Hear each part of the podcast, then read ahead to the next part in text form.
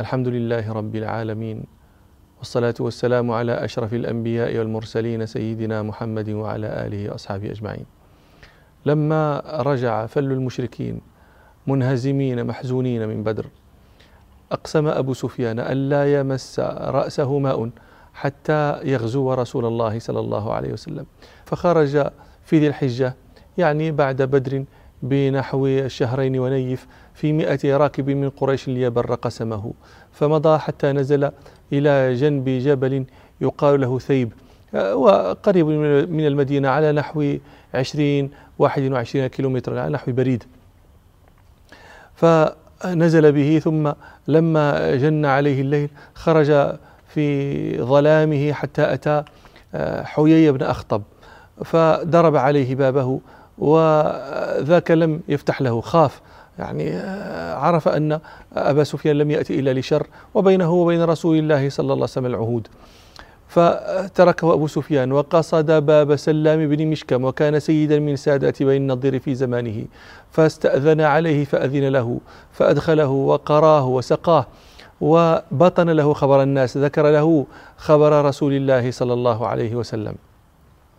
فرجع أبو سفيان إلى أصحابه وبعث رجالا منهم فأتوا ناحية من المدينة يقال لها العريض هذا آه، واد آه، في المدينة فحرقوا من آه، في أسوار من نخل بها الأسوار جمع صور بالصاد النخل المجتمع الصغير ووجدوا رجلا من الأنصار وحليفا له في حرث لهما فقتلوهما ثم فروا راجعين فنذر بهم الناس. فخرج رسول الله صلى الله عليه وسلم وبعض أصحابه في طلبهم. ومضى رسول الله صلى الله عليه وسلم يطلبهم حتى بلغ قرقرة الكدر وهو على على الموضع بعيد من المدينة بنحو 170 كيلومترا. فلما وصل ذلك الموضع عرف رسول الله صلى الله عليه وسلم أنه لن يدركهم فرجع صلى الله عليه وسلم أدراجه. لكنه في وأصحابه في غزوته تلك وجد سويقا كثيرا فأخذوه. السويق القمح أو الشعير يقلى ثم يطحن ثم يأخذه المسافر. فإذا أراد أن يأكله لته بماء أو سمين أو عسل. هذا السويق. والكفار كانوا أتوا معهم بسويق كثير. فلما عرفوا أن رسول الله صلى الله عليه وسلم في طلبهم جعلوا يرمونه يتخففون من الأحمال لأنه كان يثقلهم ويبطئ بهم. فوجد المسلمون ذلك السويق فأخذوه فسميت هذه الغزوة بغزوة السويق. وبعد أن رجع رسول الله صلى الله عليه وسلم بأيام قلائل حضر عيد الأضحى وكان أول عيد أضحى يشهده المسلمون. فضحى رسول الله صلى الله عليه وسلم فيه وأهل الساعة من أصحابه في اليوم العاشر من ذي الحجة. وخرج صلى الله عليه وسلم إلى المصلى فصلى بالناس. وكانت تلك أول صلاة أضحى يصليها رسول الله صلى الله عليه وسلم بأصحابه في المدينة. وسن لهم صلى الله عليه وسلم الأضحية فيه. وقد ضحى صلى الله عليه وسلم هو بكبشين. فقد روى البخاري ومسلم في صحيحيهما عن أنس رضي الله عنه قال ضحى رسول الله صلى الله عليه وسلم بكبشين أملحين أقرنين فذبحهما بيده فسمى وكبر ووضع رجله على صفاحهما. وقد سن لهم صلى الله عليه وسلم الأضحية بعد صلاة العيد وأخبره أخبرهم صلى الله عليه وسلم أن من فعل ذلك قبل قبل صلاة العيد فإنما هو لحم قدمه لأهله ليس من السنة في شيء ليس من النسك في شيء. وكعادة الدنيا في أهلها بينما تسرهم من جهة إذ تحزنهم من أخرى في هذه الأيام في ذي الحجة مات عثمان بن مضعون رضي الله عنه. وكان سيدا من سادة المهاجرين. أسلم قديما قيل بعد ثلاثة عشر رجلا. وهاجر إلى الحبشة ثم إلى المدينة وشهد بدرا وكان من أشد الناس اجتهادا في العبادة صواما قواما. روى أحمد وابن حبان. عن عائشة رضي الله عنها أن زوجة عثمان بن مضعون رضي الله عنه وهي خولة بنت حكيم دخلت عليها وهي بذة الهيئة يعني في هيئة رثة سيئة. فسألتها عائشة عن ذلك يعني هذا لا يصلح أن تكوني في بيتك عند زوجك بهذه الهيئة البذة فأخبرتها خولة أن زوجها يصوم النهار ويقوم الليل. يعني لا حاجة له في النساء ولا رغبة له فيها. فدخل رسول الله صلى الله عليه وسلم فذكرت ذلك عائشة له. فلقي رسول الله صلى الله عليه وسلم بعد ذلك عثمان بن مضعون فقال له يا عثمان إن الرهبانية لم تكتب علينا أما لك في أسوة حسنة؟ أما والله إني لأخشاكم لله وأحفظكم لحدوده. وروى مسلم في صحيحه عن سعد بن أبي وقاص رضي الله عنه قال رد رسول الله صلى الله عليه وسلم على عثمان بن مضعون التبتل. التبتل هو ترك النكاح.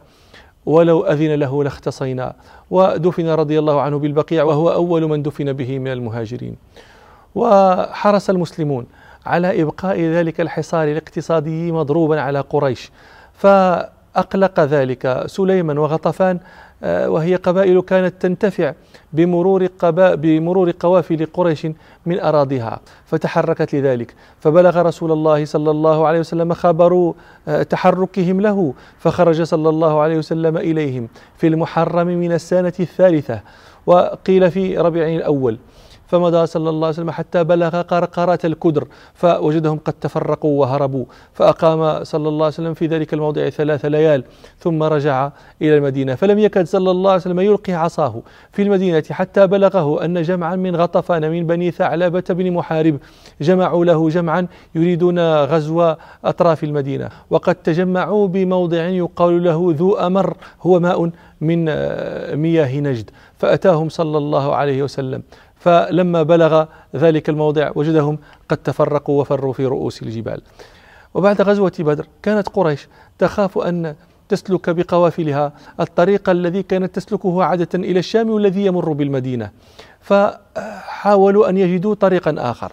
فيذكر أن آه، أنهم اجتمعوا فقالوا إن محمدا صلى الله عليه وسلم وأصحابه قد عوروا علينا متجرنا إلى الشام فطريقنا عليهم. فقال صفوان بن أمية إن قعدنا في ديارنا أكلنا رؤوس أموالنا فلم يكن لها من بقاء. فقال له الأسود بن المطلب فنكب عن الساحل وخذ طريق العراق. فقال لست عارفا بها. فقال له أبو زمعة فأنا أدلك على أخبر دليل بها. قال من؟ قال فرات بن حيان العجلي قد دوخها وسلكها. فدعوا فراتا هذا. فقالوا له إن محمدا صلى الله عليه وسلم قد عور علينا متجرنا وطريقنا إلى إلى الشام فإن طريقنا عليهم. فقال فرات هذا فأنا أسلك بك طريق العراق. ليس يطأها أحد من أصحاب محمد صلى الله عليه وسلم إنما هي آه، نجد وفياف. فاستأجروه دليلا على الطريق. وخرجت عير قريش وفيها مال كثير فيها تجارة كثيرة. فبلغ رسول الله صلى الله عليه وسلم ذلك فبعث إليهم. زيد بن حارثة في رجال من الصحابة فتبعوهم حتى أدركوهم على ماء من مياه نجد يقال له القردة ففر أولئك وتركوا آه، العير القافلة بما فيها غنيمة للمسلمين فأخذها آه، زيد بن حارثة ومن معه واستاقوها ورجعوا بها إلى المدينة. فقال حسان بن ثابت رضي الله عنه يؤنب قريشا على سلوكهم ذلك الطريق يقول دعوا فلجات الشام قد حال دونها جلاد كأفواه المخاض الأوارك بأيدي رجال هاجروا نحو ربهم وأنصاره حقا وأيدي الملائك. إذا سلكت للغور من بطن عالج فقولا لها ليس الطريق هنالك. فإن القفي طوافنا والتماسنا فرات بن حيان يكن وهن هالك. فأبلغ أبا سفيان عني رسالة بأنك من شر الرجال الصعالك. لم يجدي ما حاولت قريش أن آه، تجده من طريق آه، أخرى لتجارتها. فوجدت وطأة هذا الحصار الاقتصادي عليها ووجدت آه، شدته.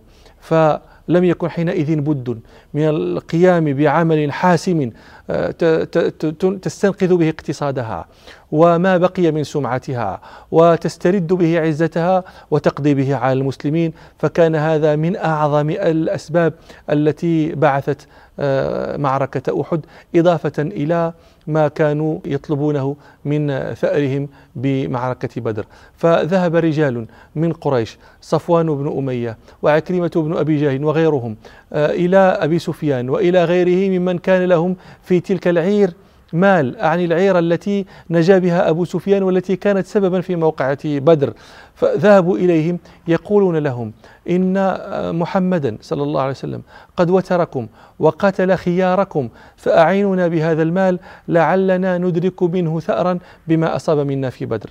فقبل أولئك فأتوا أبا عزة الجمحي. هذا كان أحد شعراء قريش وكان خرج مع من خرج يوم بدر وأسره رسول الله صلى الله عليه وسلم فلما أسر شكى حاجة وعيالا وفقرا فمن عليه رسول الله صلى الله عليه وسلم فأطلقه. فلما جاءوه قالوا له يا أبا عزة أعنا بنفسك. فقال لهم إن محمدا صلى الله عليه وسلم قد من علي فأكره أن أظاهر عليه. فقال له صفوان بن أمية يا أبا عزة أعنا بنفسك؟ فلك الله علي إن رجعت أن أغنيك وإن أصبت أن أجعل بناتك مع بناتي في عسرهن ويسرهن. فخرج حينئذ أبو عزة هذا يدعو في تهامة وفي بني كنانة يقول ويهن بني عبد مناة الرزام. الرزام جمع رازم وهو الذي لا يتحرك. يعني يمدحهم بأنهم يثبتون ولا يتحركون ولا ينهزمون. إذا انهزم الناس. يقول ويهن بني عبد مناة الرزام. أنتم حماة وأبوكم محام لا تعدوني نصركم بعد العام. لا تسلموني لا يحل إسلام. وخرج مسافع بن عبد مناف الجمحي وكان أيضا أحد شعرائهم إلى بني مالك بن كنانة يحرضهم على الخروج معهم ويدعوهم ويقول يا مال مال الحسب المقدم؟ أنشد ذا القربى وذا التذمم. العهد وسط البلد المحرم عند حطيم الكعبة المعظم. ودعا جبير بن مطعم بن عدي آه، عبدا له حبشيا يقال له وحشي. كان يرمي بالحربة رمي الحبشة قلما يخطئ شيئا آه، رماه بها. فقال له اخرج مع الناس فإن أنت قتلت حمزة بعمي طعيمة بن عدي لأن حمزة رضي الله عنه كان قتل طعيمة بن عدي وهو عم جبير بن مطعم هذا. قال فإن, أت فإن قتلت حمزة بعم طعيمة بن عدي فأنت حر. وكانت هند بنت عتبة إذا مر بها وحشي أو مرت به تقول ويها أبا دسمة اشفي واستشفي. أبو دسمة هذه كنية وحشي كان يكنى أبا دسمة وتقول له اشفي واستشفي. اشفي صدور هؤلاء الموتورين فإنها هي موتورة أيضا ووترها حمزة فقد قتل أباها. عتبة بن ربيعة. تقول اشفي واستشفي واستشفي أنت من العبودية التي أنت فيها بأن تصير حرا. فخرجت قريش بجدها وحدها وأحابيشها ومن تبعها من بني كنانة ومن تهامة. وخرجوا معهم بالضعن التماس الحفيظة ولئلا يفروا. الضعن جمع ضعينة النساء التماس الحفيظة يعني التماس الغضب للحرم ولئلا يفروا عن حرمهم. فخرج أبو سفيان وكان قائد الناس يومئذ بزوجته هند بنت آه، عتبة بن ربيعة. وخرج آه، عكرمة بن أبي جهل بزوجته أم, أم حكيم بنت الحارث بن هشام. وخرج الحارث بن هشام بزوجته فاطمة بنت الوليد بن المغيرة وهلم جرا فكنا يبكين قتل بدر ويحرضن الرجال على على القتال وعلى الثأر. فمضوا حتى نزلوا بجبل عينين وهو جبل قريب من أحد وهو الذي سيسمى بعد جبل الرماه. سمع رسول الله صلى الله عليه وسلم بقريش نزلت حيث نزلت. فجعل يستشير أصحابه وحدثهم صلى الله عليه وسلم برؤيا كان رآها. روى أحمد والترمذي وابن ماجه عن ابن عباس رضي الله عنهما أن رسول الله صلى الله عليه وسلم قال إني رأيت أني في درع حصينة فأولتها المدينة ورأيت أني مردف كبشا فأولته كبش الكتيبة ورأيت أن سيفي ذا الفقار فل فل يعني كسر فأولته فلا يكون فيكم كسرا يكون فيكم. ورأيت بقرا تذبح فبقر والله خير.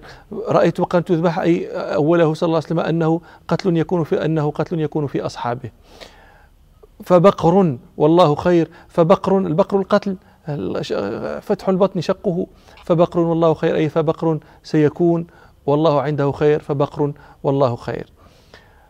فلذلك كان رأي رسول الله صلى الله عليه وسلم ألا يخرج من المدينة وأن يكونوا فيها. فإذا أقام الكفار أقاموا بشر مقام. وإذا دخلوا عليهم المدينة قاتلوهم فيها. روى أحمد عن جابر بن عبد الله رضي الله عنهما أن رسول الله صلى الله عليه وسلم قال لو أنا أقمنا في المدينة فإن دخلوا علينا فيها قاتلناهم. وفي رواية عند النسائي في السنن الكبرى قاتلتموهم آه، في السكك ورماهم النساء من فوق الحيطان. لكن أبى ذلك رجال من المسلمين ممن كان فاتهم آه، أن يكونوا في معركة بدر وفاتهم فضل الذي كان فيها لأهلها فأرادوا أن يدركوا فضلا كما كان لإخوانهم. روى الحاكم في مستدركه عن ابن عباس رضي الله عنهما قال كان رأي رسول الله صلى الله عليه وسلم أن لا يخرجوا من المدينة وأن يقاتلوهم فيها فقاله ناس من آه، ممن لم يشهد بدرا اخرج بنا يا رسول الله صلى الله عليه وسلم نقاتلهم بأحد. ورجوا أن يدركوا من الفضيلة ما أدرك أصحابهم. فلم يزالوا برسول الله صلى الله عليه وسلم حتى لبس أداته. فلما فعل آه، ندموا. فقالوا يا رسول الله أقم فالرأي رأيك. فقال صلى الله عليه وسلم لا ينبغي لنبي أن يضع أداته بعد أن لبسها حتى يحكم الله بينه وبين عدوه. وروى أحمد عن جابر بن عبد الله رضي الله عنهما أن رسول الله صلى الله عليه وسلم قال لو أقمنا في المدينة فإن دخلوا علينا فيها قتلناهم. فقال له آه، أصحابه يا رسول, يا رسول الله لم يدخل علينا فيها في الجاهلية فكيف يدخل علينا فيها في الإسلام؟ فقال صلى الله عليه وسلم شأنكم إذا فدخل صلى الله عليه وسلم ولبس لأمته فلما خرج قالوا رددنا على رسول الله رأيه. فقال قالوا يا رسول الله شأنك إذا يعني إن شئت فأقم. فقال صلى الله عليه وسلم إنه ليس لنبي إذا لبس لأمته أن يضعها حتى يقاتل. ثم جعل رسول الله صلى الله عليه وسلم يستعرض جيشه فرد من رآه صغيرا لا يصلح لأن يقاتل. روى البخاري ومسلم في صحيحيهما. عن ابن عمر رضي الله عنهما قال استعرضني رسول الله صلى الله عليه وسلم في يوم أحد في القتال وأنا, وأنا ابن أربع عشرة سنة فلم يجزني. ثم خرج صلى الله عليه وسلم مع جيشه فلما وصلوا الشوط وهو موضع بين أحد والمدينة انخزل عبد الله بن أبي بن سلول المنافق مع من تبعه من أصحابه من المنافقين وكانوا ثلث الناس. قال أطاعهم عصاني لأن رأيه كان مثل رأي رسول الله صلى الله عليه وسلم. كان رأيه أن لا يخرجوا من المدينة وأن يقاتلوهم فيها. لكن لما خرج رسول الله صلى الله عليه وسلم مع أصحابه غضب هو فقال أطاعهم عصاني ما ندري على ما نقتل أنفسنا ها هنا. فرجع مع أصحابه المنافقين فتابعهم. آه، عبد الله بن عامر بن حرام والد جابر يقول لهم ما أخبركم به في حلقة قادمة إن شاء الله. سبحانك اللهم وبحمدك أشهد أن لا إله إلا أنت أستغفرك وأتوب إليك والحمد لله رب العالمين.